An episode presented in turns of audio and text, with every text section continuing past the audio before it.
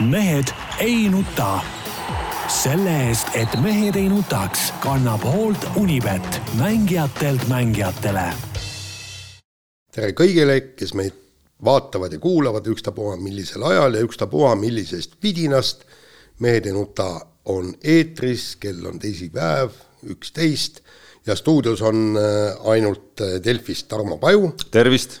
Ja Jaan Martinson Delfist, Eesti Päevalehest ja igalt poolt mujalt. meie salaagent äh, on parasjagu Euroopas, Peep Pahv ja kuskil Sloveenias või kus? Slovakkias minu teada. Slovakkias, aga kusjuures ma olin ikka ääretult pettunud niisugune macho mees läks sinna mägedesse ronima, niisugune macho mees, kes pühib tagumikku liivapaberiga.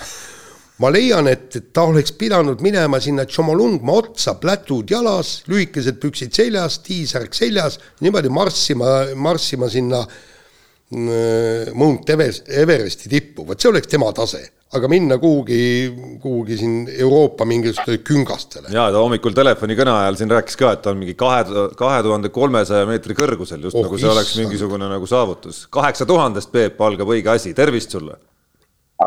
Tervist, tervist, kuulge, mis te siin udutate, tead, te ei julgenud siiagi tulla, tead, rääkimata sellest, et te üldse kuhugi midagi julgesite teha või viitsiksite teha. mina olen siin ja täna, täna ronin peale saate lõppu Äh, matkarajale, mis on äh, viisteist kilomeetrit pikk, äh, üks koma kolm kilomeetrit tõusu ja siis üks koma kolm kilomeetrit alla-tagasi no,. väga tore. kuidagi sa, kas sa, kui sa, kui sa, ma ei tea, kas sa näed meid ka või kuuled ainult, et kas sa tunnetasid, kas sa tunnetasid, et me kuidagi oleks nagu pahviks löödud selle info peale ja nende numbrite peale? ei, ega ta ei peagi olema, lihtsalt mina äh, naudin siin, ma ei tea, mis teie teete, teie tehke tööd seal no. nagu väiksed tööorjad. ütleme niimoodi, et, et äh, Aspenis äh, X mängudel, kui ma käisin, seal olime üldse kolme tuhande meetri kõrgusel, täpselt sama on ju ka siis Mehhiko rallil, et, et sealt noh, võib-olla hakkab üldse mingisugune noh, kõrgus pihta, kaks tuhat kolmsada. kõrgus ei, kõrgus ei puutugi asjasse, puutub see, et kui sa pead ütleme matkarajal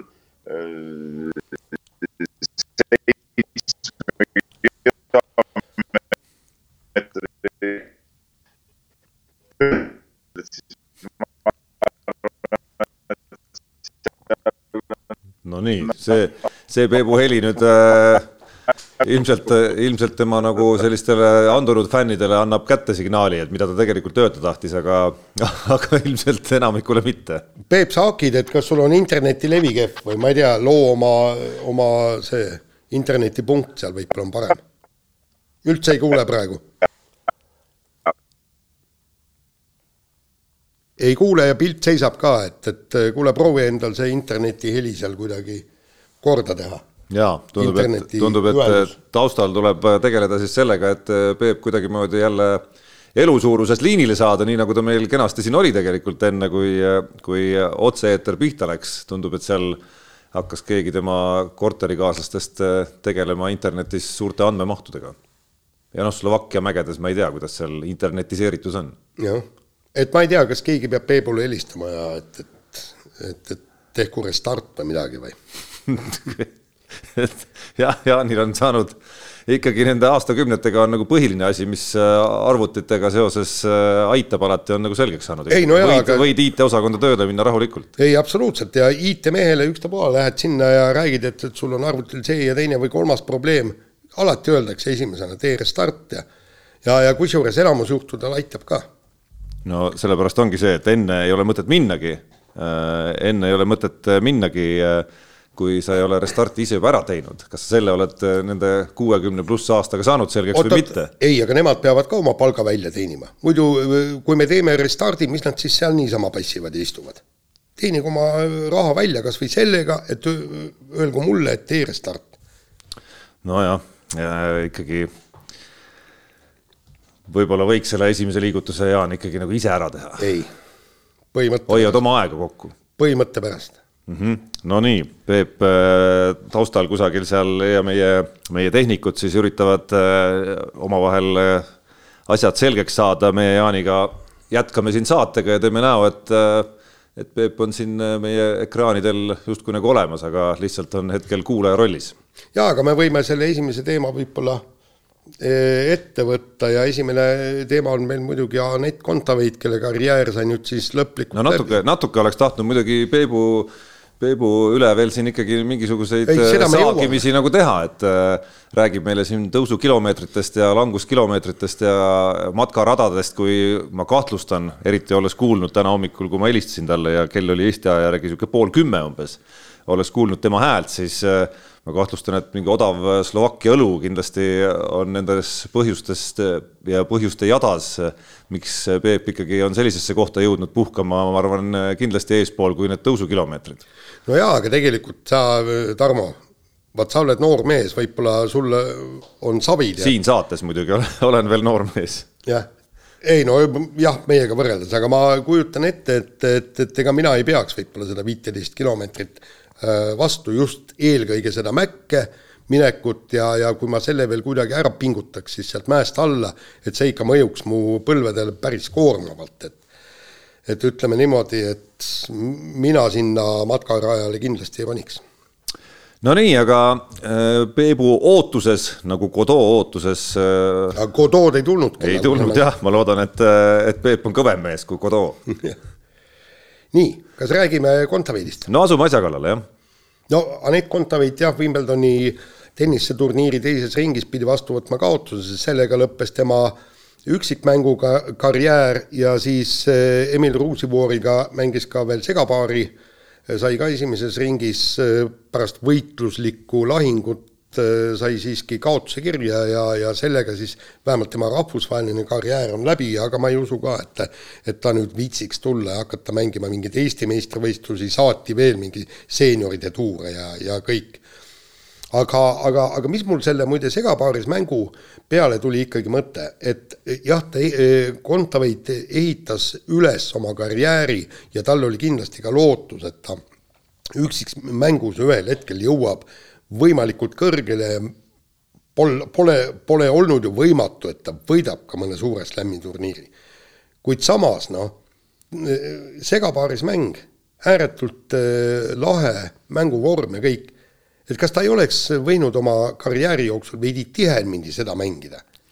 no ei tea, see on ju suure tennise mõttes on see ikkagi nagu nii kõrvaline tegevus kuidagi ja ma isegi ei, ei tabanud ennast nagu sellelt mõttelt ega ole kunagi tabanud sellelt mõttelt kummagi Eesti tipptennisisti puhul, et et pagana kahju, okei okay,, mingil hetkel võib-olla oleks, oleks see mõte olnud intrigeeriv, et nad oleks äh, paari koos mänginud, aga, aga pigem mängisid nad ka seda eraldi ja, ja ei käinud oma karjääri kuidagimoodi nagu noh, väga väga tihedalt teineteisega koos. jaa, aga, aga samas mäletad, kui Maret Tani jõudis, see oli siis äkki Austraalias või, paaris mängus poolfinaali ja see oli, see oli tolle aja kohta ikka no punkt üks väga võimas sündmus ja kuidas seda kajastati ja kuidas seda vaadati, seda mängu, eks. et tähendab, sul on nüüd konkreetselt, et üks võit veel ja sa oled finaalis ja sa mängid karika pärast nojaa, aga noh, Maratani oma mängija spetsiifikalt oligi vähe teist, teistsugune mängija ja, ja ma miskipärast, ma loodan, et ma ei tee Maratanile liiga, aga ma miskipärast arvan, et et et ta nägi äh, ka vajadust, et ta, et ta oleks nagu mängija tüübilt ja, ja et oma karjääri kujundaks natukene teistmoodi. Äh, ehk siis, et ta tähtsustaks seda paarismängu rohkem, see sobis talle võib-olla rohkem ja, ja, ja Anett Kontaveit samal ajal, kes jõudis maailma teise numbri positsioonini välja, nägi ikkagi väga selgelt sihina silme ees seda üksikmängu karjääri ja, ja maailma esireketi tiitlit, miks mitte, ja Suure Slami tiitlit samamoodi, kui tundub meile häälte ja pildi järgi otsustades, et, et Peep on meil liinil tagasi. ma olen tükk aega tagasi, kuulan teie, teie hambutut äh, vestlust seal tennise teemal ja, ja tead, ma pean Tarmo sinuga muidugi nõustuma ja Jaani jutt on muidugi udujutt, et miks, miks Kontanit oleks pidanud keskenduma paaris mängima. ei, mitte keskenduma, rohkem mängida, rohkem mängida. milleks rohkem mängima, kui ta pani kõik panused üksikmängule ja, ja oli seal ülimalt edukas, et, et paarismäng on ikkagi rohkem minu arust selliste tennisistide pärusmaa, kes üksikmängus ikkagi päris eh, tippu ei jõua, aga, aga Anett Kontaveit oli ilmselgelt, kui ta oli maailma teine number, siis, eh, siis ta oli ikkagi päris tipp ja, ja see paarismäng on ikkagi sihuke tõesti lõbus, lõbus vahepala seal kõrval, et, et, et nii lihtsalt on. No ja kui sa vaatad kõrval õdesid Williamseid, kes on või, võitnud, ma ei tea isegi mitu paarismängu tiitlit, terve no, lugematult vähem siiski, Jaan. Ei, ei, kõik on õige, aga, aga me räägime vähem kui üksikmängus. nii, aga, aga me räägime praegu tõesti nii-öelda nii-öelda juttu asjadest, mis oleks võinud sündida, eks, taga, tagantjärele tarkust me praegu räägime siin. ütle, kumb oleks olnud säravam karjäär, kas üks Wimbledoni paarismängu tiitel või siis üksikmängus kõikide Grand Slamide peale kokku üks öö, kord veerandfinaalis no ma ei, ma ei, ma isegi ei saa aru, Jaan, et kust sa selle, kust sa selle tänase teema puhul nagu selle paarismängu niisuguse ihaluse äkitselt oled nagu välja võlunud. sellepärast, et, et, et see karjäär tulemuste poolest jäi kesiseks, sa oled öö, mänginud lugematu hulk ja aga on sul, on sul mõni viide tema nagu paarismängu mängudest näiteks ette tuua, kus, kus sa nagu tunned, et, et seal oleks tema potentsiaal olnud tohutult suurem, et, ei, et ta jõudis ikkagi, et ta jõudis ikkagi nagu maailma teise numbri kohani välja ja, ja ma kahtlustan, et kui terviseprobleemid ei oleks, ei oleks segama tulnud seda karjääri, siis, siis mine sa tea, milleks ta veel oleks olnud võimeline, et, et noh, sa oled isegi siin saates korduvalt olles õhinas tema edukate turniiride järel Äh, õhanud siin ja rääkinud, kuidas äh, ta mängib nii-öelda nagu maailma parima üksikmängija taset, vähemalt selles konkreetses mängus äh, mängis justkui nagu välja, on ju. ehk siis nagu Jällegi... silmnähtavalt oli kandikul olemas see nii-öelda potentsiaal vähemalt saavutada üksikmängus, mis on ikkagi nagu ülim distsipliin, mida iganes. ja aga me räägime tagantjärele tarkusest, tagantjärele tarkusest, kui me vaatame seda. aga sina, Jaan, oledki üks tagantjärgi targutaja, see on no, mõttetu jutt üldse, mis sa räägid ma pean siin, ma pean, ma ei tea, imet küll, teist korda järjest pean Tarmoga nagu nõustuma, et, et, et siin see mingi paarismängu juttu ajada, ajada sellisel hetkel, kui inimene lõpetas oma, oma karjääri nagu on täitsa nagu mõttetu mitte millestki kaevamine, et ja ma ei ole sinuga selles suhtes ka nõus, et ta jäi tulemuste poolest kesiseks, see karjäär, et, et tulemuste poolest kindlasti kesiseks ei jäänud, et. et kui sa mõtled jah, suure slam'i turniiride võib-olla kõrgeid kohti ei tulnud, aga, aga turniiri võite ju tal, tal tuli ja ütleme, see tippperiood oli ikkagi, ikkagi ülikõva ju ka, ka võitluse poolest. jaa, aga Grand Slam ongi ma, ülim. meil ei ole ühelgi tennisistil, jaa, meil ei ole ühelgi tennisistil mitte midagi sinna vastu panna. Kaia Kanepil, palju tal on ei, Grand Slam? mitte midagi pole vastu panna. tähendab, äh, ta, Kaia Kanep ei tulnud kunagi nii kõrgele kohale see on see, vot see on päris huvitav, see on, see on huvitav jah. vaidlus, kui see paarismäng tundus nagu Jaanilt täitsa niisugune nagu arusaamatust kohast nagu sisse tuiskamine, siis Anett Kontaveidi ja Kaia Kanepi karjääride nagu kõrvuti panek, eks ole, kus ühel pool suure slam'i turniiride tulemused, okei okay,, veerandfinaalist ei jõudnud kumbki kaugemale, aga Kaia Kanepi selgelt noh, esiteks ka tänu pikemale karjäärile jõudis rohkem veerandfinaalidesse ja, ja Anett Kontaveit samal ajal WTA turniire võitis rohkem lühema ajaga, põhimõtteliselt kogus vist ka auhinnaraha rohkem ja, ja rääkimata siis sellest teisest kohast maailma edetabelis, mida ta jõudis päris mitu kuud enda, enda käes hoida, tõsi ka väikese nagu sellise tärnikesega, et siin oli seda koroonajärgset maailma edetabeli nii-öelda nagu erakorralist seisu natukene ka kaasas, mis pikendas seda perioodi natukene. ei no vahet, vahet ei ole, kõigil oli võrdne võimalus äh, maailma tabelis teiseks tõusta ja see ongi see maailma edetabeli teine koht minu silmis vähemalt ongi kõige kõige tähtsam ja kõige olulisem äh, saavutus ja, ja, ja kogu ütleme Eesti, Eesti tennise võib-olla kõige olulisem saavutus, mis on, mis on üldse kunagi olnud. tähendab, see, sa tahad öelda, et äh, maailma kõige kõvem võistkond on siis nagu või vähemalt oli Belgia, kui ta oli maailma edetabeli esinumber, kuigi ta ei ole kunagi võitnud maailmameistritiitlit, aga, aga, aga ta oli ülikõva ja, ja sama kõva kui Brasiilia, kes oli ka siis maailma edetabeli teatud aegadel esimene ei no Jaan, sa ajad, ajad täiesti, täiesti rumalat juttu, sa võrdled no, võrd, võrdlematuid asju. no ku, kuidas on? jalgpallis, jalgpallis maailma edetabel ei ole võrreldav sellega, mis on tennises maailma edetabel. no ega nad nii tennis erinevad, ega nad, Peep, nii erinevad nüüd ka ei ole. mängitakse kogu aeg nädalast, nädalast nädalasse ja. no nii Peep katkes jälle ära. ja tundub, et meil äh, tehnikud äh, vaatavad, kui Peebu argumendid meeldima ei hakka, siis, äh, siis võtavad Peebu kuidagi liinilt maha, aga aga noh, ma oleks Peebule siin vastu vaielnud selles mõttes, et ega need maailma edetabelid nüüd nii erinevad nagu ka ei ole, et jalgpallis ju samamoodi äh, kõik mängud põhimõtteliselt kalkuleeritakse sinna nagu sisse, on ju, et see paralleel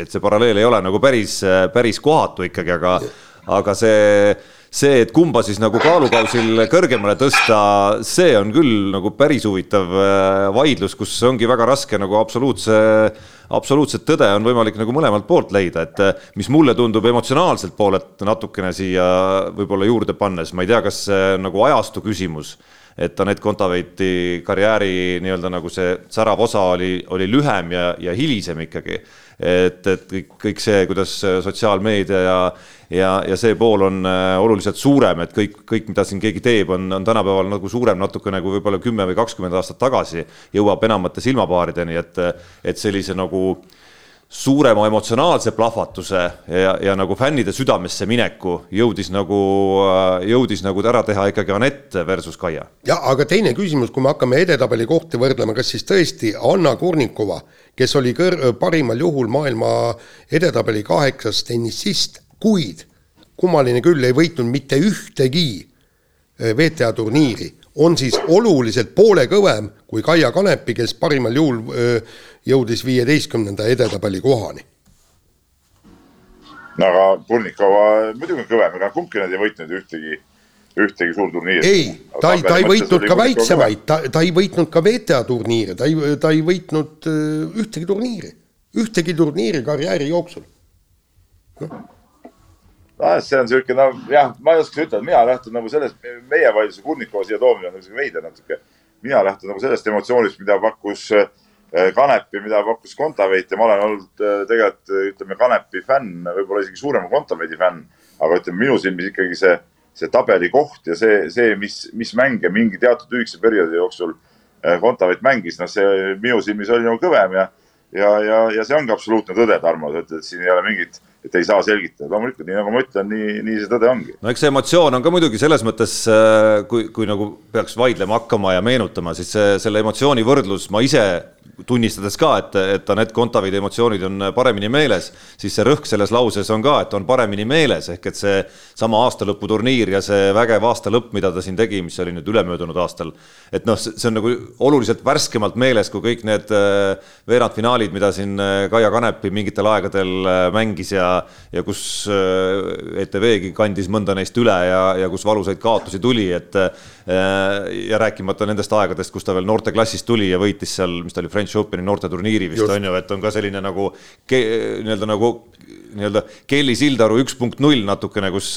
kus juba nagu väga noorest peast äh, oli Kaia Kanepi avalikkuse tähelepanu all, et, et no need mälestused on nagu tuhmunud natukene aga kas me, aga kas me peame üldse seda mingit võrdlust nüüd, et kumb nüüd oli kõvem või? ei pea. see on nagu nüüd asja, asja point. no sina tõid selle sisse. millest see vaidlus üldse? no mina... sina, sina tõid sisse või kes see tõi? no mina tõin ka, eks no, kuskilt otsast tuleb intrigeerida, eriti kui Jaan hakkab seda saadet ajama mingisugust äh, saate alguses joorupit sellest, kuidas Anett Kontaveit oleks pidanud algusest peale hoopis äh, paaris mängu peale keskenduma. ei, mitte keskenduma. see oli Roh... vananeva pensionäri oli... Äh, uduna, seda rohkem mängima suurturniiridel paaris mängu ja aeg-ajalt ka sega, segapaari, äkki oleks näkanud kuskil aga, aga üks huvitav küsimus, mis äh, Anett Kontaveidi äh, lahkumise puhul, äh, areenilt lahkumise ja, ja karjääri lõpetamise puhul ikkagi on, et et noh, me oleme nüüd siin viimased, et kui hakata vaatama, me oleme ikka päris ära hellitatud olukorras olnud siin mingitel aegadel oma spordistaaride poole pealt, et, et Kelly Sildaru, kui ta, kui ta terve oli, siis ikkagi nagu kindel tiitlivõistluste medalivõitja, Magnus Kirt, kes oli maailma tipus, eks Ott Tänak äh, nii-öelda nagu maailmameistri vormis ja maailmameistrina Anett Kontaveit selles äh, legendaarses aastalõpu nii-öelda järgus ja mingil hetkel veel Kaia Kanepi tuli ka tagasi ja nad olid nagu koos ka veel mõlemad, mõlemad maailma asetusega mängijad Suure Slami turniiridel.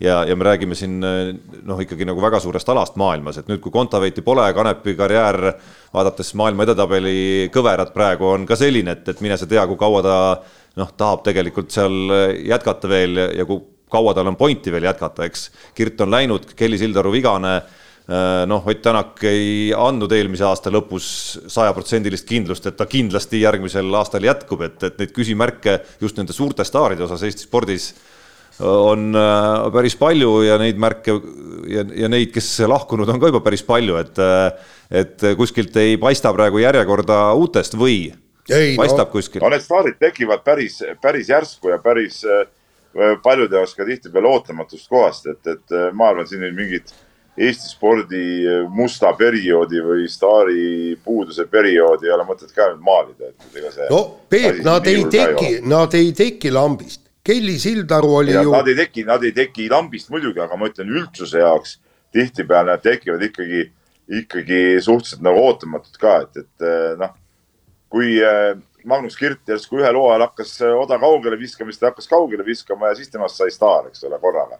enne seda ta oli lihtsalt tavaline odaviskaja, kes toksis seal üle kaheksakümne natuke. no, no jaa, aga ja, ja. Peep, kes meil on ja. spordis nii-öelda mehi, kes toksivad odaviskevõistluses üle kaheksakümne? no nüüd sa jääd sinna odaviskesse kinni, aga no meil on, mis ta on, kuuekordne ujumise juunioride maailmameister näiteks on ju, kus ja, on iga on... igati see potentsiaal olemas ja me räägime suurest alast ikkagi. just, aga, aga, aga, aga mille, millegipärast Ene-Li Jefimova ei paelu publikut niivõrd palju, eriti kui me vaatame seda klikke, see on üks asi ja teine. ja, ja täna. sinu asi on ta suureks kirjutada. ja minu asi, ja kõik on nõus, aga, aga kui me räägime Kirdist äh,, äh, räägime Ott Tänakust, räägime äh, Kelly Sildarust, Anett Kontaveitidest, sest nemad olid ju maailma absoluutses tipus, aga Ene-Li Jefimova puhul on praegu tegelikult maailma parim juunior ja enne, kui ta ei hakka võitma eh, täiskasvanute medaleid, kas või EM-medalid, MM-medalid, võitlema olümpiamedalite nimel, et enne temast suurt staari ei saa, et see, et no, aga me ju ei tea, ega ei tea. hakkab seda tegema, no ma ütlengi, et, et eh, neid siukseid potentsiaalseid eh, vende on ju, on ju küll, kes nii mehi kui naisi, kes, kes võivad ikkagi mingi ütleme aasta-paari jooksul siin ka tippu tõusta, et, et selles suhtes. no loe, loe ette peale Jefimov. nii dramaatiline ei ole. Noh. loe ette. no võtame rallist, kas sa arvad, et, arvad, et Robert Virvesel pole potentsiaali tõusta päris suurde mängu kunagi? suurde mängu ja võita maailmameistritiitel, kahtlane. no vähemalt olla, olla MM-sarjas sõitmas, ma arvan, sellest juba piisab, et olla, olla superstaar. Noh. või no., või ma ei tea, no võtame sama siin kergejõustiku, eks ole, noh, meil on neid kes MM-il näiteks mitmevõistlejad, kes võivad seal äh, suures mängus olla, ma arvan, need paeluvad äh, augustikuus sel hooajal juba, juba inimesi päris, päris kõvasti, eks ole. noh, meil on Rasmus Mägi veel alles, meil on kergejõustikus on see Kedi Tugi on näiteks tulemas, kes äh,, kes võib naiste odaviskes jõuda väga kaugele, vaata kui noor ta on, praegu viskab juba kuuekümne meetri joone peale väga stabiilselt, eks ole, et, et noh, küll siin on, küll sa tead siin oma alade pealt ka üht, üht koma teist, kes, kes on, kes on võimeline midagi tegema, et, et noh ja, ei ole see nii, nii dramaatiline. saad aru, aga superstaari seisusesse tõusta, kümnevõistlejatel on väga keeruline, kui nad teevad kolm võistlust aastas. no Erki Nool oli ju. kuule no., super, super, Jaan, superstaare toodavad ajakirjanikud ja, ja see on nagu puhas meedia küsimus, et no. ega ega selle sportliku tulemuse pealt üksi keegi superstaariks ei tõuse. jaa, aga selle, sportlik tulemus selle, peab olema. selle erinevusega, Peep, tänapäeval ikkagi, et mitte ainult meedia, et siin sotsiaalmeedia ja kõik see muu käib seal ka kõrval, et Kelly Sildaru kasvõi on nagu väga hea näide sellest, on ju, et see pool on käinud seal kaasas ja ja noh, ma arvan, et Anett Kontaveit äh, versus Kaja Kanepi, ka seal mängib see mingil määral rolli, et Anett Kontaveit on seal osas näiteks tugevam, olnud vähemalt. no eks tulevik näitab. ja ei, muidugi sotsiaalmeedia mängib ka rolli, aga aga küll need noored, kes peale tulevad, küll need oskavad ennast müüa ka paremini kui, kui võib-olla need äh, vanema põlvkonna sportlased, see on ka ilmselge nii, aga vahetame teemat. Äh, ralli käis siin äh, märksõnana läbi natukene juba. Ott Tänak sõitis eelmisel nädalavahetusel Lõuna-Eesti rallil, mis korraldati siis selleks põhimõtteliselt, et ta saaks autot testida on meile kirjutanud Jaan siia ette. Jaan käis kohapeal, kas nägid siis uuel tasemel kiirust, mis aitab Otil võita Rally Estonia ja Soome ralli või mitte? no loomulikult ei näinud ja sellepärast, et seda, seda väikest kiirusevahet ei, ei, ei näe mitte keegi ja tegelikult noh, see on see tüüpiline äh, rallimeeste puhul on see, et, et nad ei anna sulle mingit infot ja seal oligi see, et, et ma ei mäleta, keegi, keegi küsis ka veel lõpetuseks, kas sa saaksid inimesele arusaadavas keeles selgeks teha, mida sa tegid vahepealsel ajal, et see kiirus kasvaks, nagu sa ütlesid, et meil on, me oleme väikse sammukese edasi astunud. ja selle peale oli vastus, see on, see on liiga tehniline. et, et, et seda ma, rääkida. ma ütlen nüüd, Jaan, sa ei saanud muidugi kiiruse vahetama sellepärast vaadata, et sa pole ta äh, sõitmas näinudki, eks ole, selle auto raja peal Äh, no, varem kui, kui nüüd, nüüd seekord. ma ei tea, kas seekord just raja ääres käisid või? Äh, ei käinud. no Jaanikene, siis. mis tegid seal siis? uurisin äh, asja, kirjutasin lugusid. mida sa seal uurisid, noh, ma ei näinud küll ühtegi lugu, kus sa midagi uurinud oleks, aga, aga äh, siis Tarmo Jaani käest ongi mõttetu küsida, et kas, kas ta nägi paremat kiirust või ei näinud. Jaan pole kunagi ühtegi kiirust näinud oma silmaga nii, aga, aga noh, tegelikult no saate ju ise väga hästi aru, et, et kõik, kõik pannakse ju paika Rally Estonial, aga mis, mis mind muidugi huvit-, noh, tähendab, mitte ei hämmastanud, aga, aga see oli, kuidas rahulikult kolme nädalaga pandi ju see Lõuna-Eesti ralli paika sisuliselt. kutsuti sinna kohale kõik need, kes, pluss kohalikud rallisõitjad ja need, kes nüüd lähevad Rally Estoniale võitlema, eks Robert Virvesed ja ja, ja kes seal kõik, kõik olid. Jaan, Jaan, kas sa oled natuke, mis asja sa ajad, mis siin panna oli, see ralli korraldas ju ju tegelikult äh, seltskond, kes, äh, kes on varemgi äh, Tänaku jaoks asju teinud ja see ongi kõik jumala õige. Robert Vires sõidab ise Tänaku tiimis, Georg Linnamäe sõidab ise Tänaku tiimis, ütleme, seal on kõik, kõik need asjad on ju olemas, keda, keda kutsuda, noh, Jeets kohaliku vanameistrina loomulikult tahab sõita neid radasid, noh. Et, et see ei ole eriti raske, raske korraldada ja need, need kiiruskatsejärajad on ju seal kogu aeg olnud olemas ja, ja Gabriel Müürsepp, kes selle ralli siis nagu sisuliselt nagu paika pani, noh, tema käes Lõuna-Eestis korraldada mingi ralli, no see, see ei nõua mingit ülemäära ettevalmistusi, et, et see oligi ju tegelikult mõeldud selleks, et saaks, saaks testida ja, ja selle, mina arvan, et selle korraldamine ei ole mingi väga sihuke äh, üritus, mida nüüd, mida nüüd ei saaks teha, et noh, seal see asi oli, see on ju lihtsalt testimise jaoks tehtud ralli. no seda ma ju räägingi, kus kohas maailmas, kas sa kujutad ette, et Prantsusmaal või, või Soomes tehakse spetsiaalselt ralli, kuhu saaksid tulla testima te,, testima need vennad, kes lähevad Soome rallile, ei ole ju niisugust asja. miks mitte? Eestis on niisugune ralliseltskond ja, ja, ja seda tehakse ja, ja meil on Ott Tänak ja, ja tema pärast tehakse niisuguseid asju. nii, Peep äh jääb selle küsimusele vastamisega igatahes äh, kenasti meil jälle õhku siin rippuma, mis iganes, äh, mis iganes justkui nagu väga selge pilt on seal ja väga kvaliteetne pilt, mis läbi telefoni, kusjuures minu teada jõuab, jõuab siia kohale, aga aga mingid katkestused, mis seal mulle tundub ikkagi, et kohalike netiprobleemide tõttu sinna nagu vahele, vahele viskavad. tundub, et me läheme järgmise teema peale üle. just. Narva Transi treenerid Oleg Kurotškin ja Maksim Gruznov, kunagine väga kõva vutimees, tahtsid linnas korraldada Venemaa laste jalgpalliliiga osavõistlust. Ja see, see tuli nagu välk selgest taevast ja siis selgus, et, et Venemaal on noh, nagu kunagi oli see Kozuni matš, noh, noorte jalgpalliliigad ja kõik, et enamus etappe toimuvad Venemaal, aga siis on ka osad etapid, et Lätis toi-, peaks toimuma siis Kasahstanis kuskil, Valgevenes ja siis ka Eestis ja, ja täiesti nagu mina sain aru, et täiesti noh, süüdimatult tahetigi korraldada. no jaa, et see no ma saan aru, et see turniir toimubki, lihtsalt see toimub nüüd ilma nende visuaalideta ja ilma selleta, et see oleks siis selle nii-öelda kuidagi seotud ei, ei emotsionaalselt ega ka visuaalselt siis, et, et see ei ole seotud selle nii-öelda Venemaa katuseüritusega, aga esimene pilk jah, ja pilt, mis sellest äh, selle ürituse kasvõi siis äh, nii-öelda Facebooki event'ist avanes, oli ikkagi üks äh, üks äh, joonistatud jalgpallipoiss, kellel võin nüüd eksida, kas oli särk, püksid ja ja, ja tennised nii või naapidi, aga igatahes oli ta riietatud ikkagi niimoodi, et üks osa riietusest oli valge, teine punane ja kolmas sinine, eks, ja, ja ilusti üks sama värvi embleem oli tal ka seal kenasti rinna peal veel sellel poisikesel seal, et, et see nagu juba nagu visuaalselt karjus põhimõtteliselt äh, kõik sealt vastu, et, et see sattus veel selles mõttes päris huvitavasse ajahetke, et ma ei tea, kas sa, Jaan, lugesid eelmise nädala Eesti Ekspressist äh, Viktoria Ladõnskaja lugu, kus ta siis põhimõtteliselt nagu pöördus Eestis elavate oma rahvuskaaslaste ehk siis nagu vene juurtega inimeste poole ja ja, ja püüdis siis nende hinge kogu selle kogu selles, äh, ma ei tea, aastasadade, aastasadade nii-öelda äh, olemises ja, ja selles tänases sõja kontekstis nagu tunnetada, kirjeldada ja, ja, ja tegelikult esines ka seal nagu väga selge üleskutsega, kuidas äh, tema arvates vene inimesed Eestis võiksid nagu suhestuda ja nagu mõelda oma olemist siin Eestimaal, ma ei tea, kas sa lugesid seda, aga see, see oli tõesti briljantselt kirjutatud lugu, soovitan väga lugeda. Mm, -hmm. soovitan kindlasti lugeda ka meie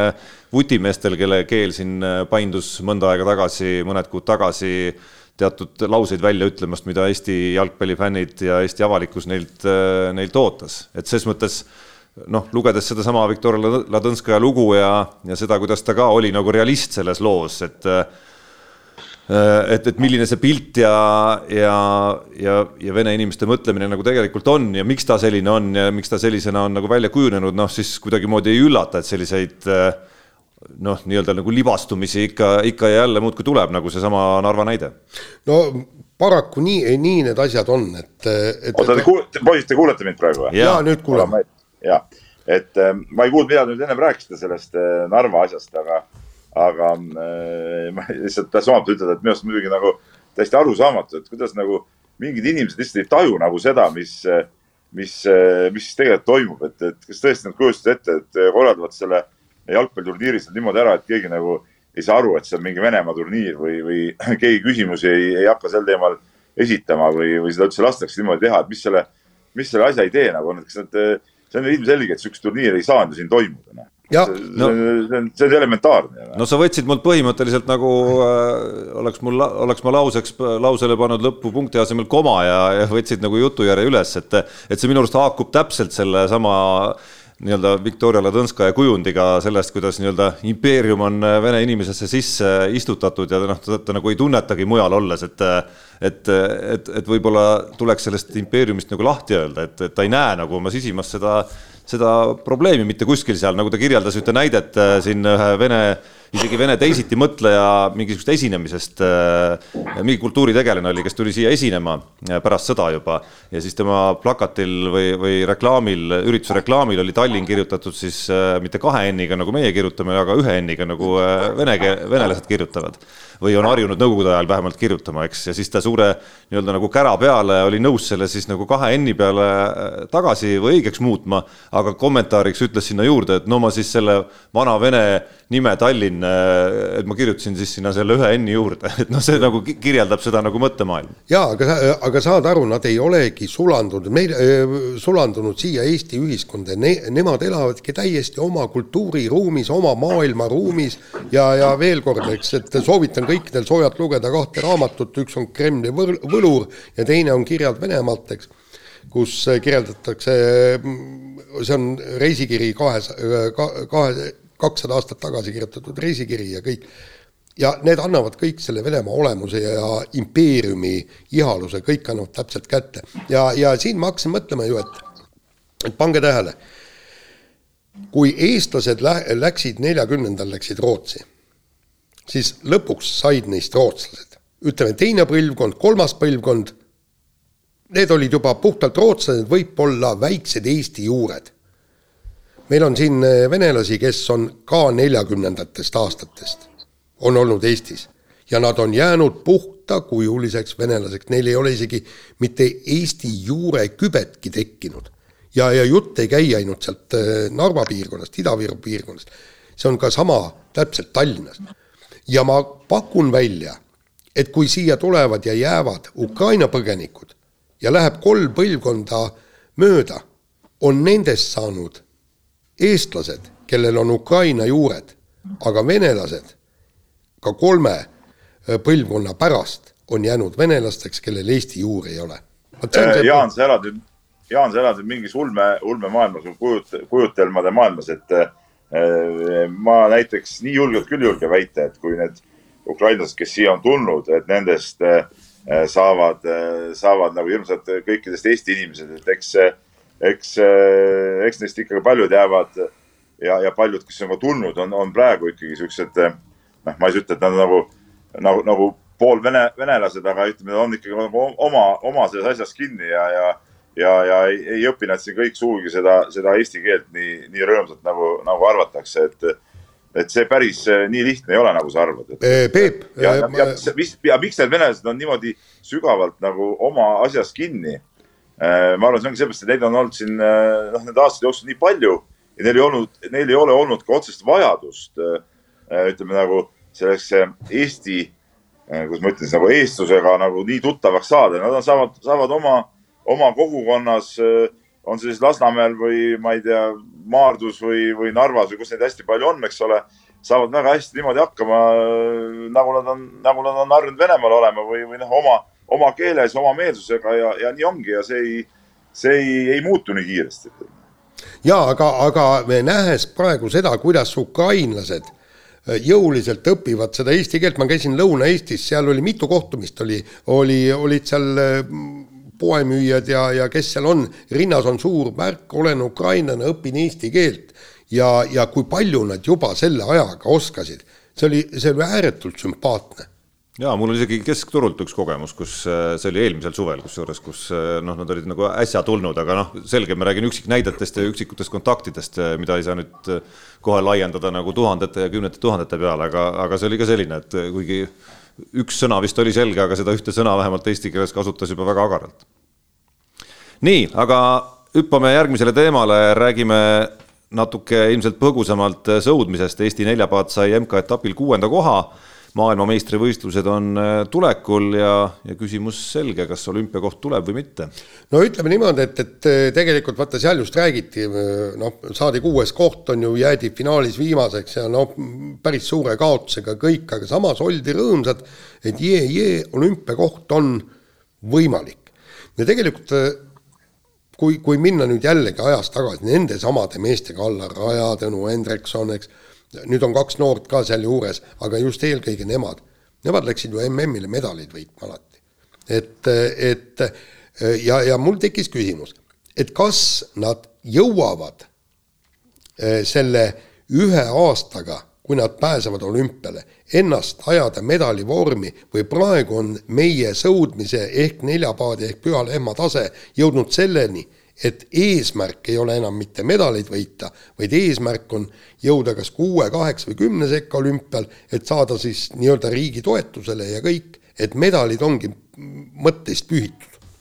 ei no Jaan, sa, sa räägid jälle natuke ulme, ulme valdkonnas, et, et kas sa tõesti kujutad ette, et et kakskümmend aastat järjest me võidame igal äh, sõudmise tiitlivõistlusel, äh, tiitlivõistlusel medali või? ei, me ei pea võitma seda medalit, aga meil peab olema eesmärk ja on kogu aeg olnud eesmärk. no jaa, aga, aga kas sa tead nüüd täpselt, mis nende meeste eesmärk on või?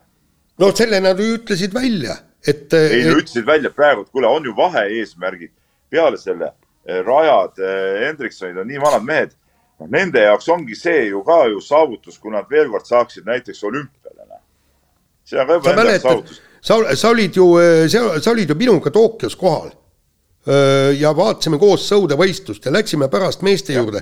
millised pettunud ja. näod nad olid, nad olid täiesti löödud. olidki, olidki noh, aga Jaan, aga. ja, ja nüüd nad tulevad kuuend-, tulevad kuuendaks ja no on hästi rõõmsad. hurraa, me saime MM-il kuuenda koha. kaks aastat möödas, noh, kas sa saad aru, nad jäävad ju ka vanemaks, nüüd on eesmärgid ju muutuvad, no ega siis Äh, sul on ka niimoodi, et kui sa kirjutad, vanasti kirjutasid võib-olla neli head lugu, jaksasid nädalas kirjutada, kui nüüd ühe jaksad, siis oled ka rõõmus selle üle. ja ei, aga Loogid. ma, ma ju esitasingi küsimuse, kas ongi praegu meie sõudmise ja neljapaadi tase see, et eesmärk on jõuda kuue sekka. jaa, aga minu arust tormad sa kuskil äh, pea ees, ma ei tea, nagu kõvasti-kõvasti ette, et äh, miks peaks äh, näiteks Allar Raja, kes siin MK-etapi järel kommentaare jagas, täna käima ringi ja tuututama sellest, kuidas me tahame järgmiselt olümpialt medalit saada, et, et see asi käibki nagu samm, sammhaaval, eriti kui meil on selline see kogu see neljapaadi kokkupaneku, nende koos sõitmise kava selle konkreetse neljapaadi nii-öelda nagu koosseisu moodustamine, kus on kaks veterani, üks kohe nagu eriti veteran, eks. et, et noh, mulle tundub täna nagu eriti jabur hakata enne, kui olümpiapilet olemas, rääkima sellest, kuidas, kuidas me läheme medalit sinna tooma. aga miks sa ei või sellele MM-ile siis medalit sihiks seada, mis tuleb nüüd? no miks sa ei või panna seda sihti, et esimene eesmärk on olümpiapilet kätte saada? nõkk mina arvan, ei, ma ei ole Jaan sinuga absoluutselt nõus, ma, ma arvan, et see ei ole nõrk, et, et esimene, esimese eesmärgina tagada olümpiapilet on, on äh, jumala okei okay äh, eesmärk, samamoodi nagu äh, meie naisvehklejatel on esimene eesmärk tagada olümpiapilet kõigepealt, näe, on nii. et, et kui nad said EM-il, mis nad said, kuuenda koha, eks ole, siis sa ütlesid ka selle peale, et, et noh, see on nii ja naa, et, et see ei ole nagu kõige hullem. nüüd ma küsin su käest vastu, et kas siis meie naisvehklejate tase ongi selline et me peame olema rahul EM-i kuuenda kohaga. ei, aga nad ei olegi rahul ja nad püstitasid MM-iks eesmärgi võita kuldmedal, sest nad on, on olnud maailmameistrid ja väga selgelt on välja öeldud. kui me jõuame poodiumile, astume me suure sammu lähemale kui olümpiakohale. vehklejad ei ole kunagi mitte kunagi ja mitte ühelegi võistlusele viimasel ajal, vot just see meie B-naiste seltskond, läinud väiksema eesmärgiga kui poodium. ja aga no ma süvenen ja, siin, süvenen siin taustal veel Allar Raja lausetesse, et noh, see, et sa konkreetsetest lugudest ei loe seda lauset nüüd konkreetselt välja, et jah, me läheme medalit võitma, et see ei tähenda, et neil eh, nii-öelda kuklas ei oleks ka see eesmärk seal olemas no,. lihtsalt sportlased on ju väga erinevad. ei, aga see, seda. selle mõttega, et jääme kuuendaks noh ja, ei läinud starti selle mõttega. jaa, aga seda ma just küsingi.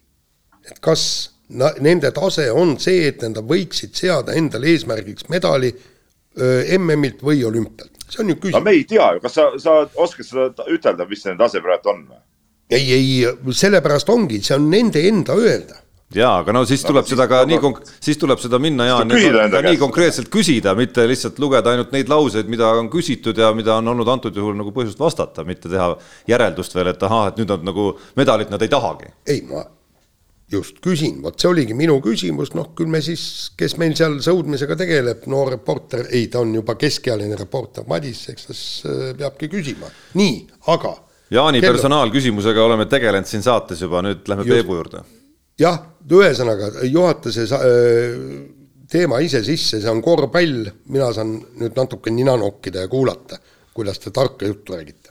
Ei no personaalküsimus, Peep, on nagu lihtne selles mõttes, et äh, kas tegemist on vaikusega enne tormi, et äh, või, või, või on siin mingi väga vägev kommunikatsiooniplaan kuskil paigas, et miks me ei ole endiselt kuulnud Keila korvpalli äh, korvpalliklubi tegemistest, äh, uudiseid, värbamisi, äh, kõlakaid, kõiki, kõiki, kõiki neid asju ja, ja miks me siin, kui tahame korvpallist rääkida, peame keskenduma, ma ei tea, Janari Jõesaare minekule Poolasse või Carlos Jürgensi minekule Leetu. kas sa jokis oled äh, teisipäeva hommikul või? nii ma ei tea, mis täna hommikul, hommikul oli uudis, oli uudis üleval ka Delfi spordis. ahah, no sa ennetasid, sa siis ennetasid no., nägid saate teemasid eile õhtul, kui äh, ei, sai laiali saadetud. kõik, ma ju rääkisin sulle, kõik eh, kommunikatsiooniplaan täpselt paigas, teisipäeval enne saadet, et oleks põhjust saates sellest rääkida.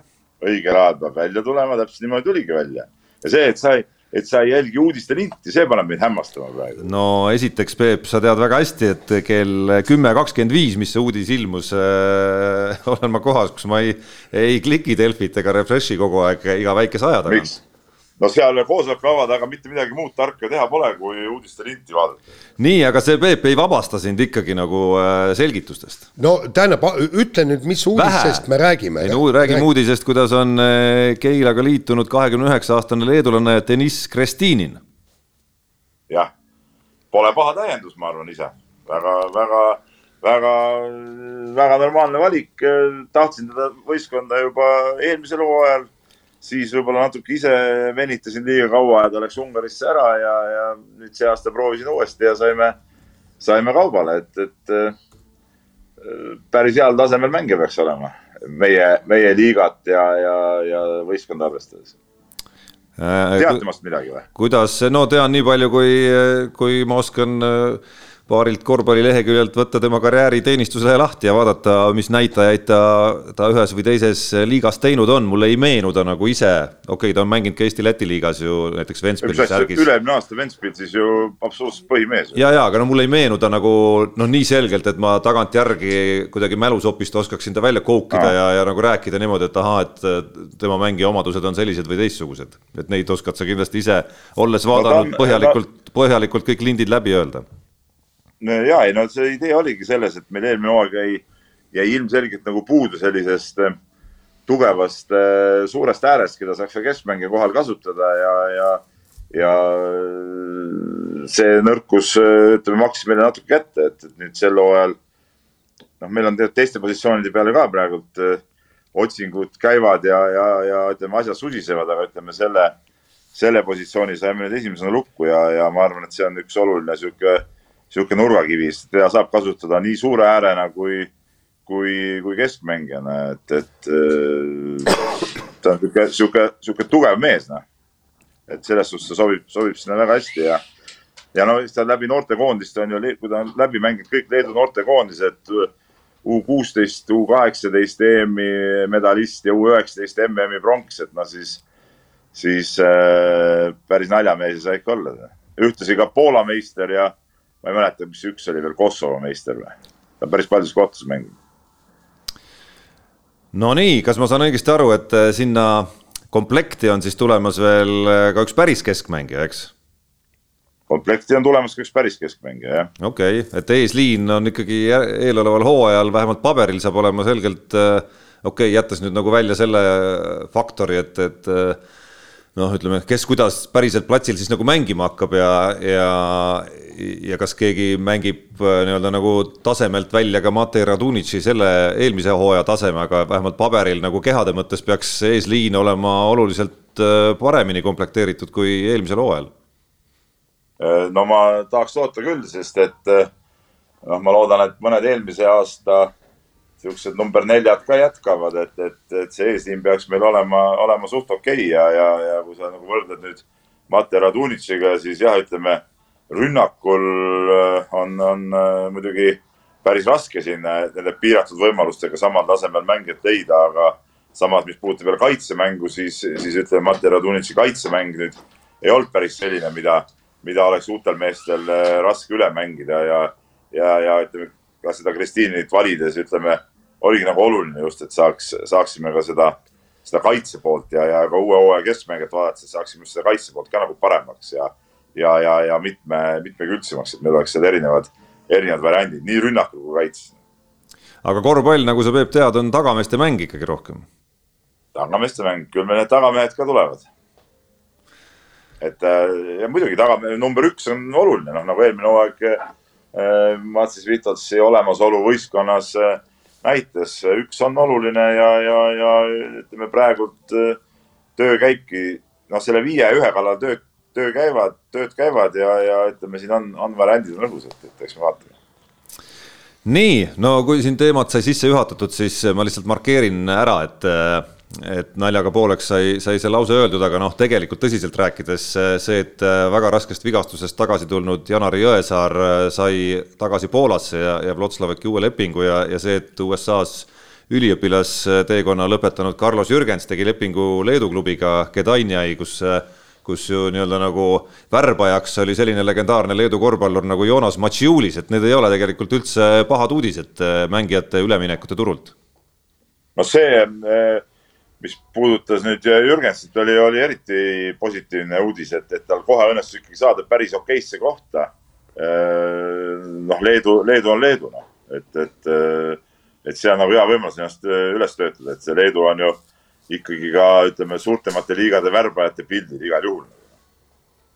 Nonii, aga. Jõesaar, Jõesaare, Jõesaar oma taset ju tegelikult on näidanud ja, ja tõestanud, et ja kui mees on terve, siis, äh, siis no minu arust see nüüd nii suur ime ei ole, et ta, et ta teenis endale seal uue lepingu, et äh, tegemist on igal juhul selle liiga mõistes äh, täiesti hea kvaliteediga mängijaga. jah, lihtsalt see, seesama teadmine, et ta ei ole ju veel nagu noh, no platsil tagasi, eks ole, et et nii suurtest ja rasketest vigastustest tulekut kunagi ei tea, milline see olema hakkab olema, et, et ses mõttes näitas see selgelt selle klubi nii-öelda nagu usku mängijasse, et nad nagu ilma, et ta, et ta oleks saanud veel nagu platsil käia ja, ja, ja demonstreerida seda, kuidas ta on nagu ka mängulises mõttes äh, üle saanud sellest vigastusest, äh, oli valmis nii-öelda nagu käe uuesti alla panema. no eks nad on ikkagi kursis tema taastumisprotsessiga, et, et nad päris silmad kinni seda, seda otsust kindlasti ei teinud ja, ja, ja nad täpselt ilmselt teavad, et mis, mis seisus ja, ja, ja, ja, ja kuidas, millal ta tagasi tuleb. nii, aga laseme kõlli Lähme kiire vahemängu juurde ja Eesti parim judoka Grigori Minaškin lõpetas äh, enne Tallinnas toimuvat Euroopa karikavõistluste etappi ootamatult karjääri, andis teada, toetust ei ole ja sellepärast võttis ta koha äh, sisse tribüünil, tsiviilriided seljas ja, ja vaatas, mis Matil tehakse, et judot siin aastaid jälginuna noh, tuleb tunnistada, et, et et Minaskini tase ei vastanud sellele, et ta oleks väärinud EOK toetust ja, ja siin mitte midagi teha ei ole, et see, see maailma judo on, on läinud noh, ütleme niimoodi, räigelt tase on tõusnud ja kahjuks eestlased ei suuda selle tasemega kaasas käia. kui enne oli ju ühes kaalus sai ühest riigist ainult üks judoka, siis nüüd eh, saab kaks judokat välja panna.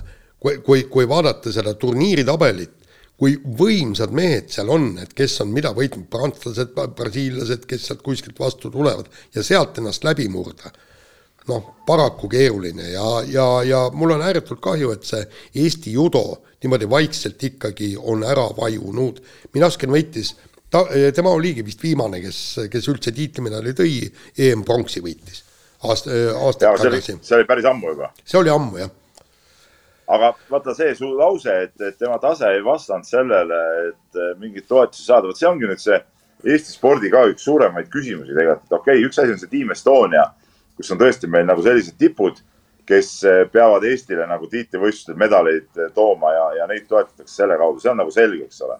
aga nüüd nagu järgmine tase, et, et eh, meil alaliitudel puudub võimekus siis hoida üleval siukseid Minaskini suguseid sportlasi, kes ütleme noh, tegelikult noh, ta oma elutöö tegi selle ühe medaliga ju ära, olgem ausad, noh, et, et palju siis ikka neid medaliga, tiitlivõistluse medaliga sportlasi on, eks ole et sai selle medali kätte, tegi ära, esindas Eestit edasi, noh, võib-olla kuskilt oleks veel midagi äkki õnnestunud napsata, aga, aga nüüd alaliit peab leidma võimaluse selliseid sportlasi üleval hoida.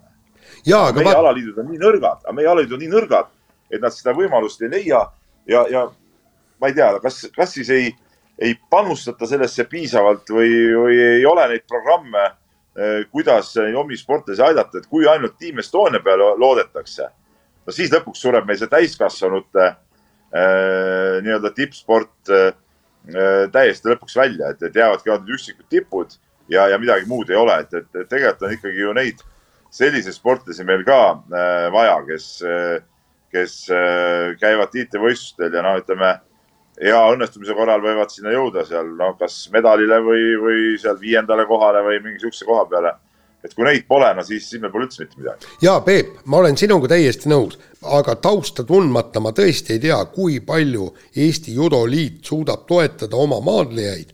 küll aga ma arvan, et kui äh, äh, Judoliidul ongi mingisugune raha toetusteks, siis seda ei saa olla ülemäära palju ja ma ei ole kindel, et Judoliit, kus on tõesti asjatundjad, valiksid just Minaskini selleks kellele maksta toetusraha, sellepärast et meil on tema tasemel, äh, on ka nooremaid, äh, nooremaid mehi ja kellel on võib-olla rohkem potentsiaali kui kolmekümne kahe aastasel Minaskinil vahetame teemat, autosport äh, ootab jälle ees, M-spordi bossil. Rich Millionäril sai ajakirjaniku peale nii-öelda kops üle maksa, mul on kõrini, et te meie autode vastupidavuses kahtlete, põrutas ta siis kas Dirtfishile äkki või? jah no ütleme niimoodi, et, et, et tegelikult eh, see M-sport on, tähendab, ühesõnaga, nemad ei pea olema poliitiliselt korrektsed, erinevalt Hyundai'st, erinevalt eh, Toyotadest, sest et, et neil ei ole tera, tehase meeskond, tal on erameeskond. ja kusjuures niisuguseid purskeid on, on ka enne olnud, eh, ma mäletan, just oli, käisin Monte Carlo rallil. Ja seal oligi siis, oli ka nagu küsimus, et tähendab, küsimus oli, et kas te öö, olete võimelised Ott Tänakule andma auto, millega ta võiks tulla maailmameistriks. no pole ju küsimust midagi hullu, aga selle peale siis Malcolm Wilson ehk siis M-spordi omanik sai ka päris kurjaks ja, ja hakkas kohe täiesti tõsiselt kuri, noh, torisema, et kuidas te esitate, me oleme, eelmine aasta me võitsime ära, näed, meil lööb võitis ära MM-etapi ja kõik, et noh, et ütles, et, et meil on väga hea auto, meil ei olnud sõitjaid, nüüd me saime hea sõitja. ja, ja ütleme niimoodi, et e, Jari-Mati Latvalalt ja ka Hyundai bossidelt ei, ei ole viimasel ajal niisugust torinat kuulda, sest neile on ju ka eba, ebasobivaid küsimusi küsitakse neilt ja ei, no selles suhtes see noh, küsimus iseenesest kogu aeg päritakse, noh, et, et, et kas teil on ikka sihuke auto ja kas te saate nii. ma kujutan ette, et see lõpuks viskabki üle ja, ja sellest ma äh, mõistan tiimibossi, kes, kes selle lõpuks ka välja purskas, et, et noh, mis võib-olla natuke ongi nagu üle, üle võlli mindud selle, selle küsimusega ka, et, et noh, mis see, mis see küsimus nagu siis lõppkokkuvõttes edasi viib, et, et seda enam, et selle autoga on ju jah, võidetud rallis ja aga, aga noh, see samas on ju. küsimus on pigem selles, Jaan, küsimus on pigem selles, et, et kas ja kuidas ta mingitesse oludesse võib-olla see auto sobib, et, et jah, ta tõesti võib-olla laguneb natuke rohkem. Aga no siis me peame arvestama ju ka M-spordi ikkagi selle võimalustega, noh, nii, nii lihtsalt ongi, noh, et, et, et aga, aga teatud oludes ta on, on kindlasti selline auto, mis võib võita ja on võitnud ka see aasta. just, nii, võtame järgmise teema ja veidi kiidunurka ka juba rääkisime Eneli Jefimovast ja juunioride EM-il võitis kaks kulda ja hõbeda. Et kahesaja meetri rinnuli distantsil pidi leppima hõbedaga, viiskümmend ja sada võitis ära, et tal on siis nüüd äh, kuus EM-kulda. et äh, tegelikult väga uhke saavutus. et pa palju meil on neid sportlasi, kellel on niu-, äh, juunioride EM-il Äh, näidata ette säärane saak. ja, ja kolm aga... aastat järjest on ta kuld, kuldasid võitnud, mitte see, et, et, et ühel aastal ja palju, aga, aga kolme aasta peale. jah, no mis, mis selle juures nagu vähemalt kuskil kuklas on nagu hea teadmine, kui, kui uskuda kõiki asjaosalisi, on see, et, et nad ei ole teinud nagu selleks otseselt midagi, see tema tiim. et, et just nimelt neid juunioride medaleid kätte saada ja et just nimelt juuniori eas nagu väga tugev olla, on ju, eks elu muidugi praktikas lõpuks peab siis näitama, mismoodi see arengukõver välja näeb, aga aga vähemalt nii on kõlama jäänud kõikidest äh, treener Heina kommentaaridest. ja, ja no mulle tundub, et, et me räägime ikkagi praegu vaatamata sellele kuuele EM juunioride kullale, me räägime stardipositsioonist, me ei räägi äh, välja kujunenud ujujast. ehk siis praegu stardipositsioon on suurepärane, oma ala Euroopa parem eakaaslaste hulgas. ja siin ja,. Äh, Jaan, vaata, sina oled seda ujumist rohkem jälginud, et, et äh, tegelikult ujumises on ju tulnud ka väga noored sportlased, noh, absoluutsesse tippu ja ka väga noored sealt ära kadunud et, et äh, nüüd ongi see küsimus, et, äh, et äh, kuidas Jefimova see areng on, on nagu kavandatud ja, ja, ja kujundatud, et, et kas seal hoitakse ka kunstlikult midagi tagasi, et ta liiga noorelt nagu ta, kuidas ma ütlen, liiga noorelt, liiga, liiga kõvaks ei muutuks, vaid, vaid see areng oleks oleks loomulik ja selle võrra võib-olla jõutakse kaugemale. ja no ma äh, treener Henri Heinaga olen rääkinud ja nagu mina olen aru saanud, on kõik see koormuste tõstmine, kõik on väga mõistlikult, vaadatakse tema tervist, tema olusid ja ja, ja kõike, et, et tegelikult ikkagi nähakse pikaajalist karjääri ja, ja, ja siit ju edasi minna on, on, on palju ja näiteks tõesti, kui ta seda platvormi suudab säilitada, siis mõelge, kui me, kui ta läheb näiteks sinna tõesti Ameerikasse võib-olla omal ühel hetkel õppima ja arenema, kust on tulnud kõik meie need ujujad, õde ja vend Aljandid ja Kolukaanovad ja kõik, kõik nad on ju Ameerika läbi käinud, vot ujumine on üks koht, kus Ameerikast mm, suudetakse nagu tulnuna tulemusi teha.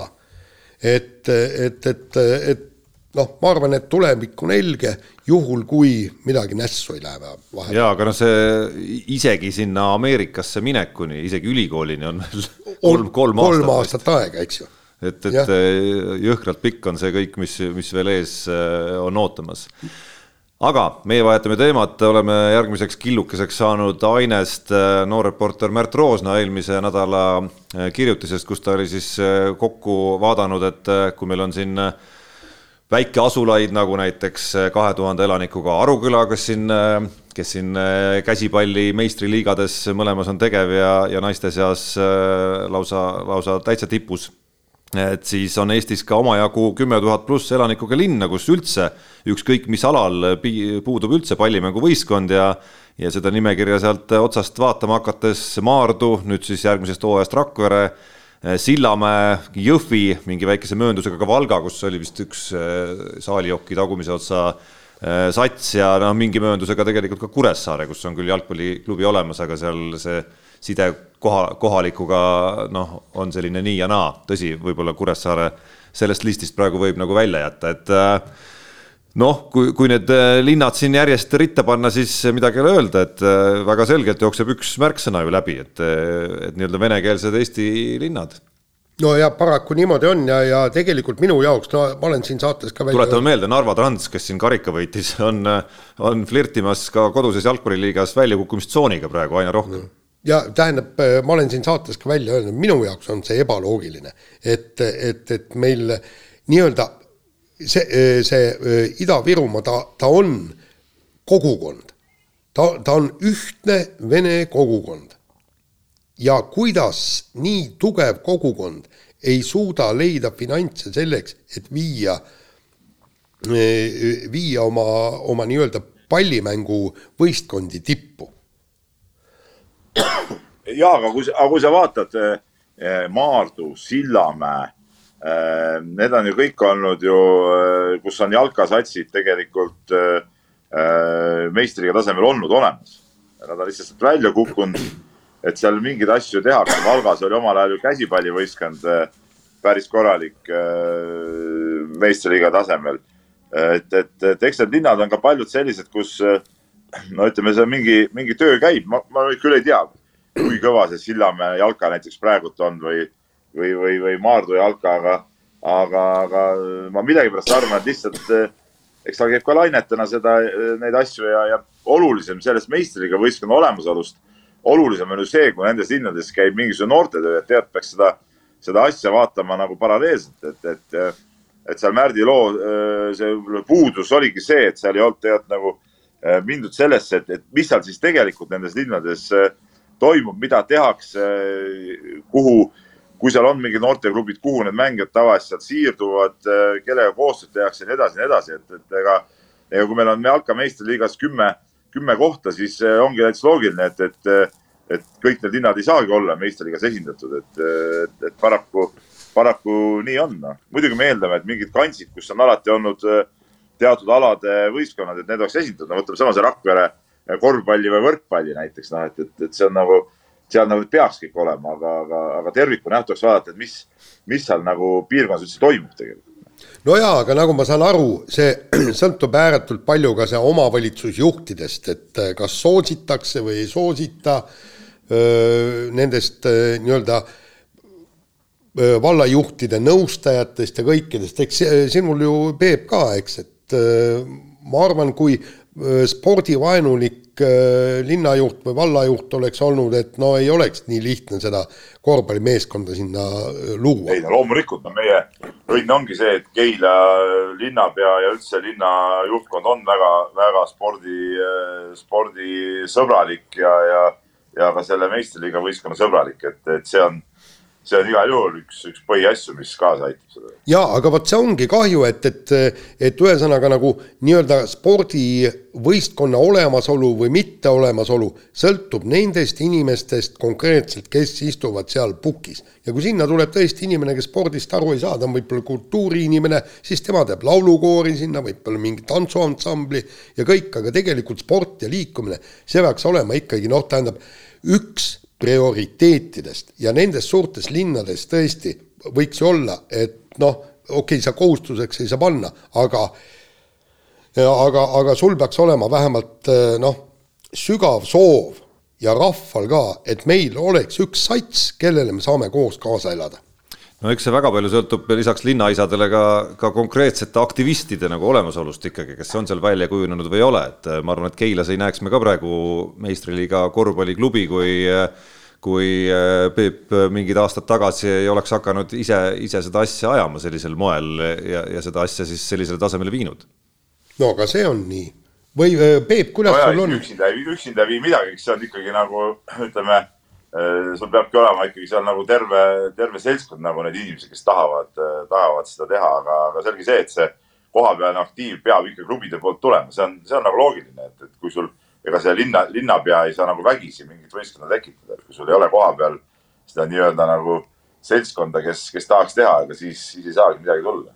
Peep, ütle, see, see ei ole mitte irooniline küsimus, vaid otsene küsimus, kui näiteks mõni, mõni niisugune korralik sats teeks sulle, näiteks ma noh, mitte Kaunases allkirjas, keegi Leedu-Läti sats teeks sulle ettepaneku minna äh, neid treenima, kas sinu äh, Keila võistkond jätkaks, kas sul on äh, neid, kes suudaksid ja oleksid valmis seda edasi vedama?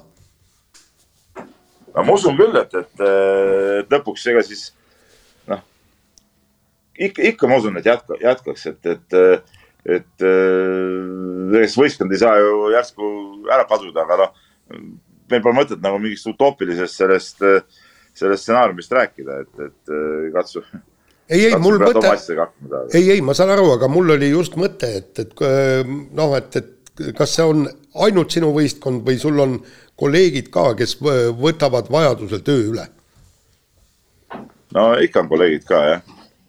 ma püüdsin siin jutu taustaks natukene sellist populaarteadust teha ja lihtsalt äh, klikkisid läbi siin Eesti, äh, ütleme konkreetselt siis kuna, kuna natukene venekeelsematest linnadest juttu oli siin Maardust, Sillamäest ja, ja, ja, ja veel Jõhvi käis ka meil läbi, et, et kui palju siis Eesti noorte, eri, eri vanuseklassi noorte meistrivõistluste osalejate nimekirjadest ma siis näen seal äh, nende linnade võistkondi, noh, oli neid küll seal, kuigi ma ei saaks öelda, et näiteks kuidagimoodi oleks nad rohkem silma hakanud kui ma ei tea, isegi Keila või Vasalemma või, või Raasiku näiteks, et, et Jõhvi Phoenix ja ja Sparta Maardu olid seal täiesti esindatud ja mingis vanuseklassis ka Sillamäe, kuigi linnade suurusi arvestades, eriti sealt Ida-Virumaa poolt võib-olla, võib-olla natuke tahaks rohkem näha seal, eriti just seal eliitliiga poole peal. Nii, aga võtame siis viimase teema, jääme, jätkame jalgpalliga ja Henri Anier tundub, et äh, talle meeldib Aasia köök ja Aasia elustiil ja kõik, ta on mänginud Lõuna-Koreas, Tais ja nüüd siis siirdus Hongkongi jalgpalliliigasse, hakkab seal pallima.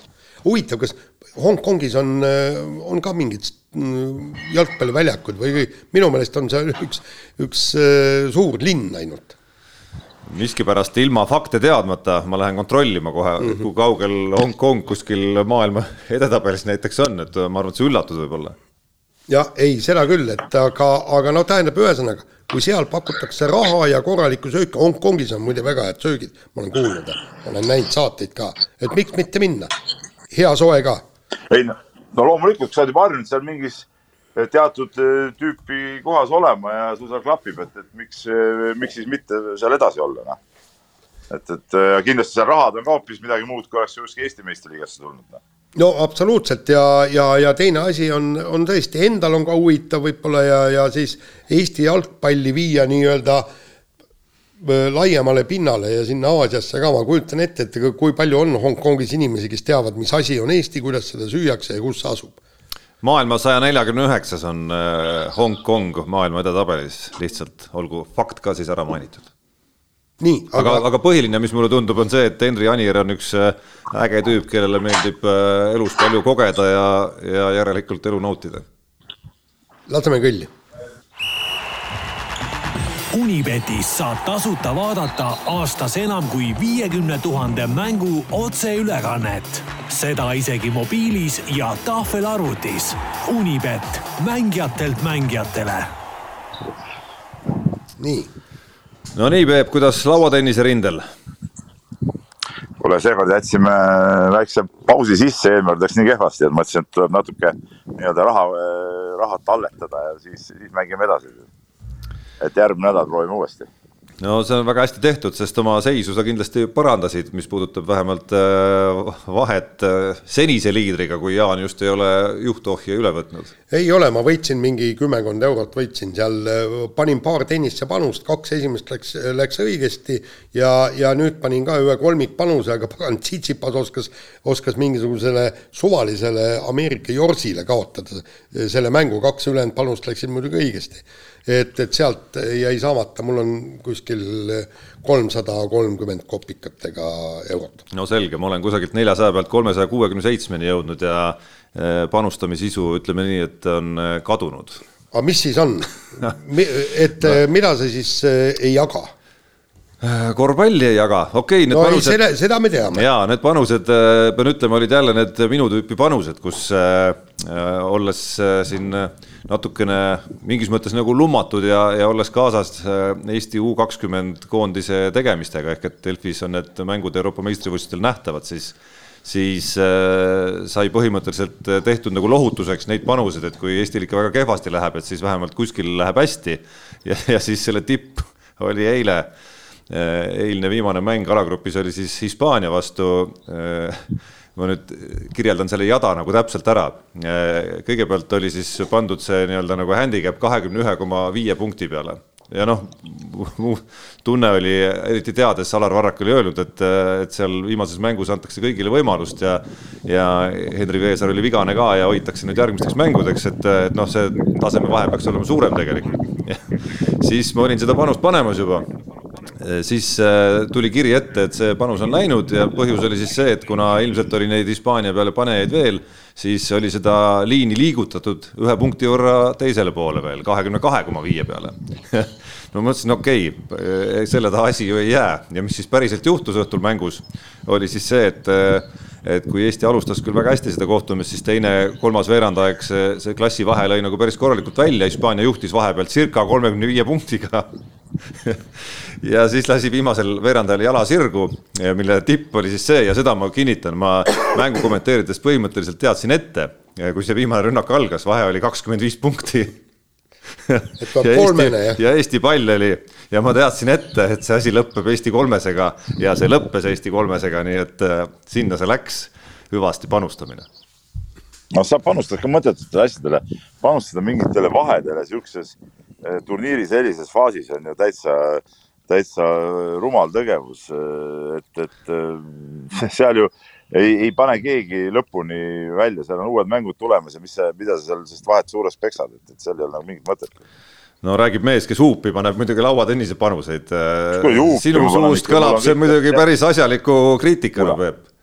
kuule, mul on seal pingpongis kõik täpselt välja regu-, reguleeritud ja vaadatud, kes keda ja kuidas. aa, selge vabandust, et ma valesti aru sain asjadest, aga uue nädala Unibeti eripakkumine äh, Äh, mehed ei nuta sildi all puudutab, äh, mis ta siis meil on, et tänane eurosarja meistrite liiga eelringi kohtumine FC Floral võõrsil klubi nimega Rakov Tšestotšova. Poola, Poola meister muide. huvitav, kas see hääldus oli okei okay või ei olnud? oli, oli. Teie, teie ikkagi idabloki nii-öelda nagu põliste esindajatena peaksite hindama praegu jaa, kindlasti. see oli väga briljantne, ütleme niimoodi. väga hea, panus seisneb siis selles, et äh, kas FC Flora suudab selle mängu võita või viigistada. no ilmselt ei suuda. ja koefitsient siis sellele on eh, viis koma null, aga läheme siis kirjade juurde ja alustame kirjade, kirjade juures eh, Vambola kirjast eh, klikk on jumal, see on meile kõigile, kes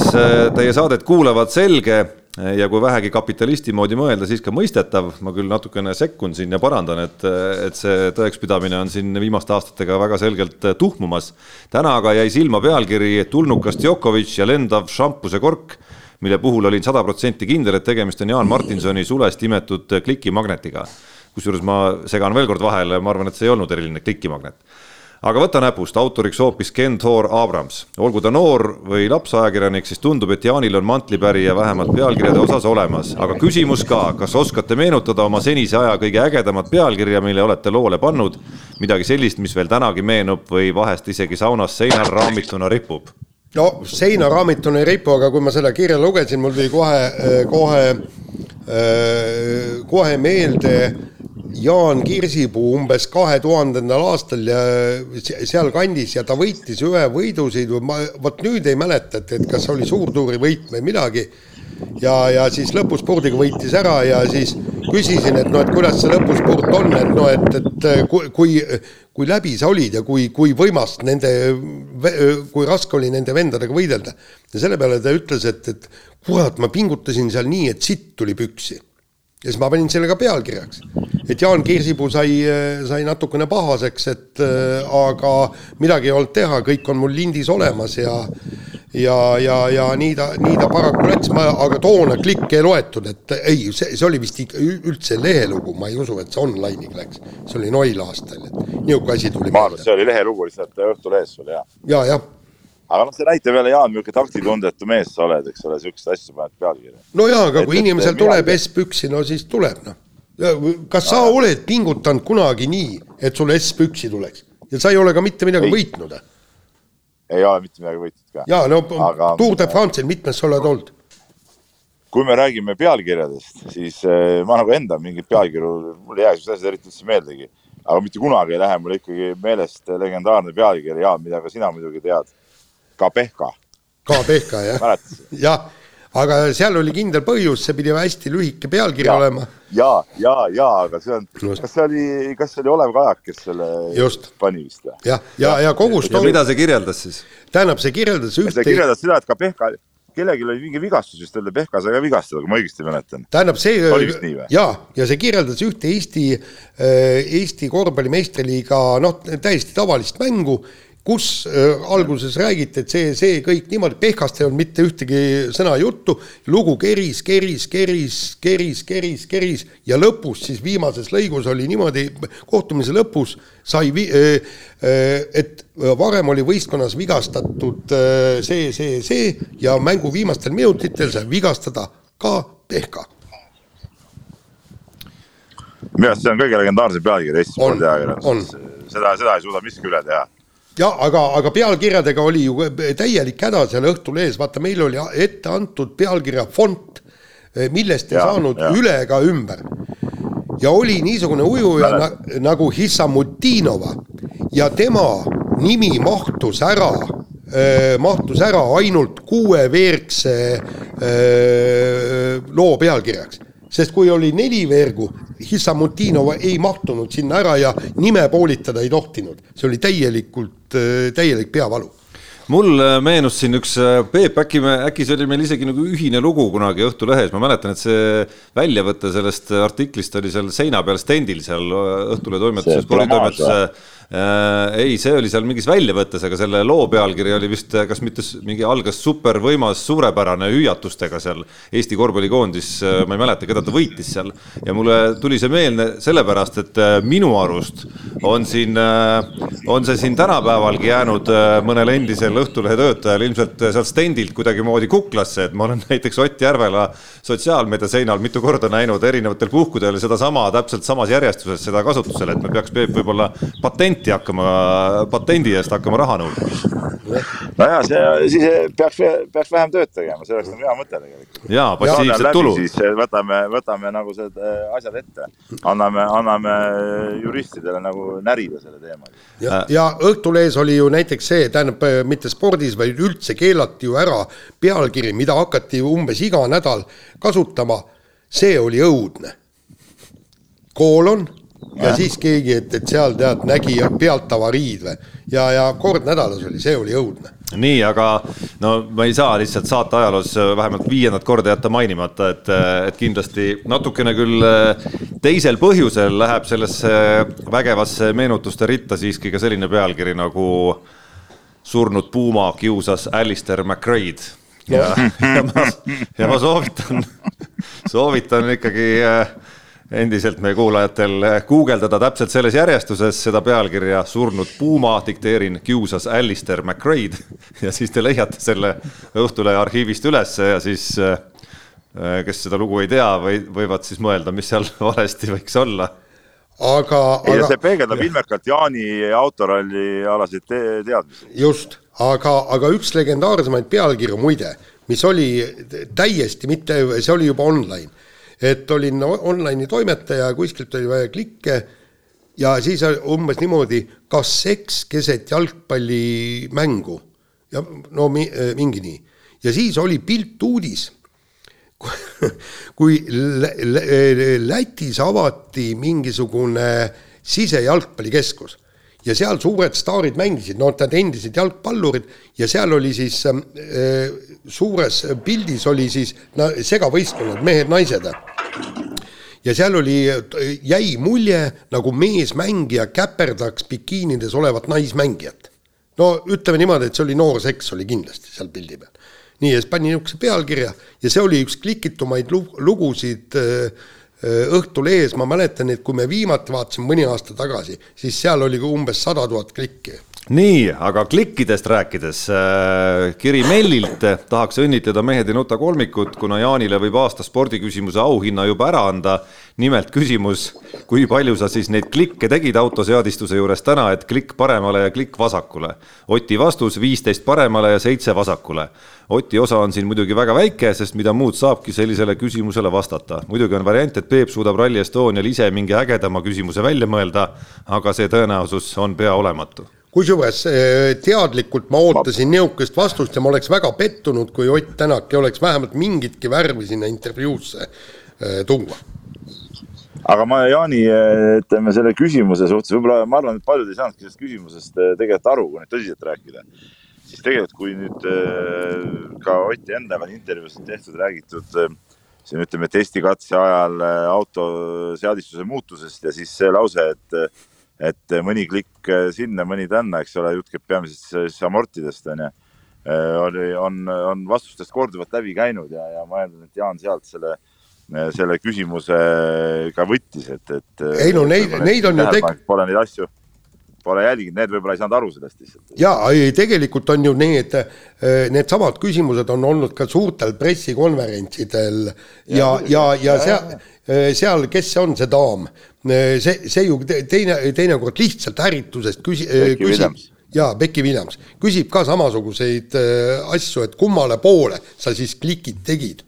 Ja, ja siis selle peale siis rallimees tavaliselt vastab, et alguses paremale, siis vasakule või midagi niisugust. et see on teadlikult, et noh, ja, ja kusjuures huvitav on see, et nad ei ütle isegi seda, et kas paremale või vasakule neid klikke tehti. sellepärast, et vastased võivad sealt üht-teist teada saada.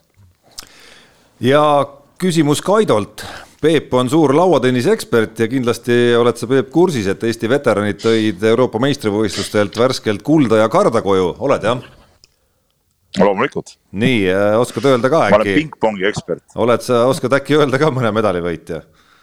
ei, sel ei ole tähtsust, ega nad ei, nad ei taha nagu suurt äh, sihukest ähm, reklaami saada, et mehed lihtsalt äh, heast meelest äh, mängivad ja teevad. Igor Šolopov. no sa oleks võinud, ma, ma kuklas korra mõtlesin, et äkki nagu läksin liiga labaselt, et äh, kuna siin ikkagi isegi minu teadmiste järgi on siin ikkagi nagu nimesid, kes on väga tuntud nimed ja, ja isegi keda mina olen kuulnud, siis ma mõtlesin, et äkki sa loomulikust intelligentsist nagu teed just nagu sa teaksid ja pakud näiteks Rein Lindmäe nime välja ja ja nagu muu seas oleksid äh, õigesti vastanud, aga, aga sinu Rein vastus. Lindmäe päris vana mees või, see on siis mingi üheksakümmend pluss meestes? ei, seitsmekümneste, seitsmekümneste klassis sai ta hõbemedali. ja, ja kusjuures ta on vist võitnud, ma, ma tegin ju kunagi temaga loo, kas ta oli võitnud sada Eesti meistritiitlit vist või, või midagi nii.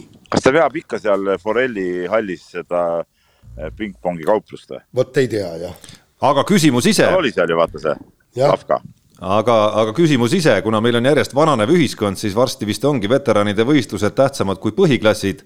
tekkis hoopis selline küsimus, et mis aladel veel on meie veteranid MM-i või EM-i tasemel tegijad ning kuidas on ajakirjanduse kajastus veteranide võistluste osas. no minu arust ei ole ala, kus me ei ole veteranides väga kõva, ka Kossust kostub kogu aeg ja tihti no, edulugusid. medaleid veteranide võistlustel, jah. ja, ja kergejõustikult, kes oli see äh, Kuti või kes see daam Noora oli? Noora Kuti ja see võitis kogu aeg medaleid, aga, aga ma mäletan, et meil, kui me vanasti töötasime Päevalehes, mitte Eesti Päevalehes, vaid Päevalehes üheksakümnendatel, siis käisid seal need spordiveteranid kogu aeg, oli niimoodi käsitsi kirjutatud äh, tekst ja käisid eh, no iga nädal pakkumas meile veteranide nii-öelda tulemusi.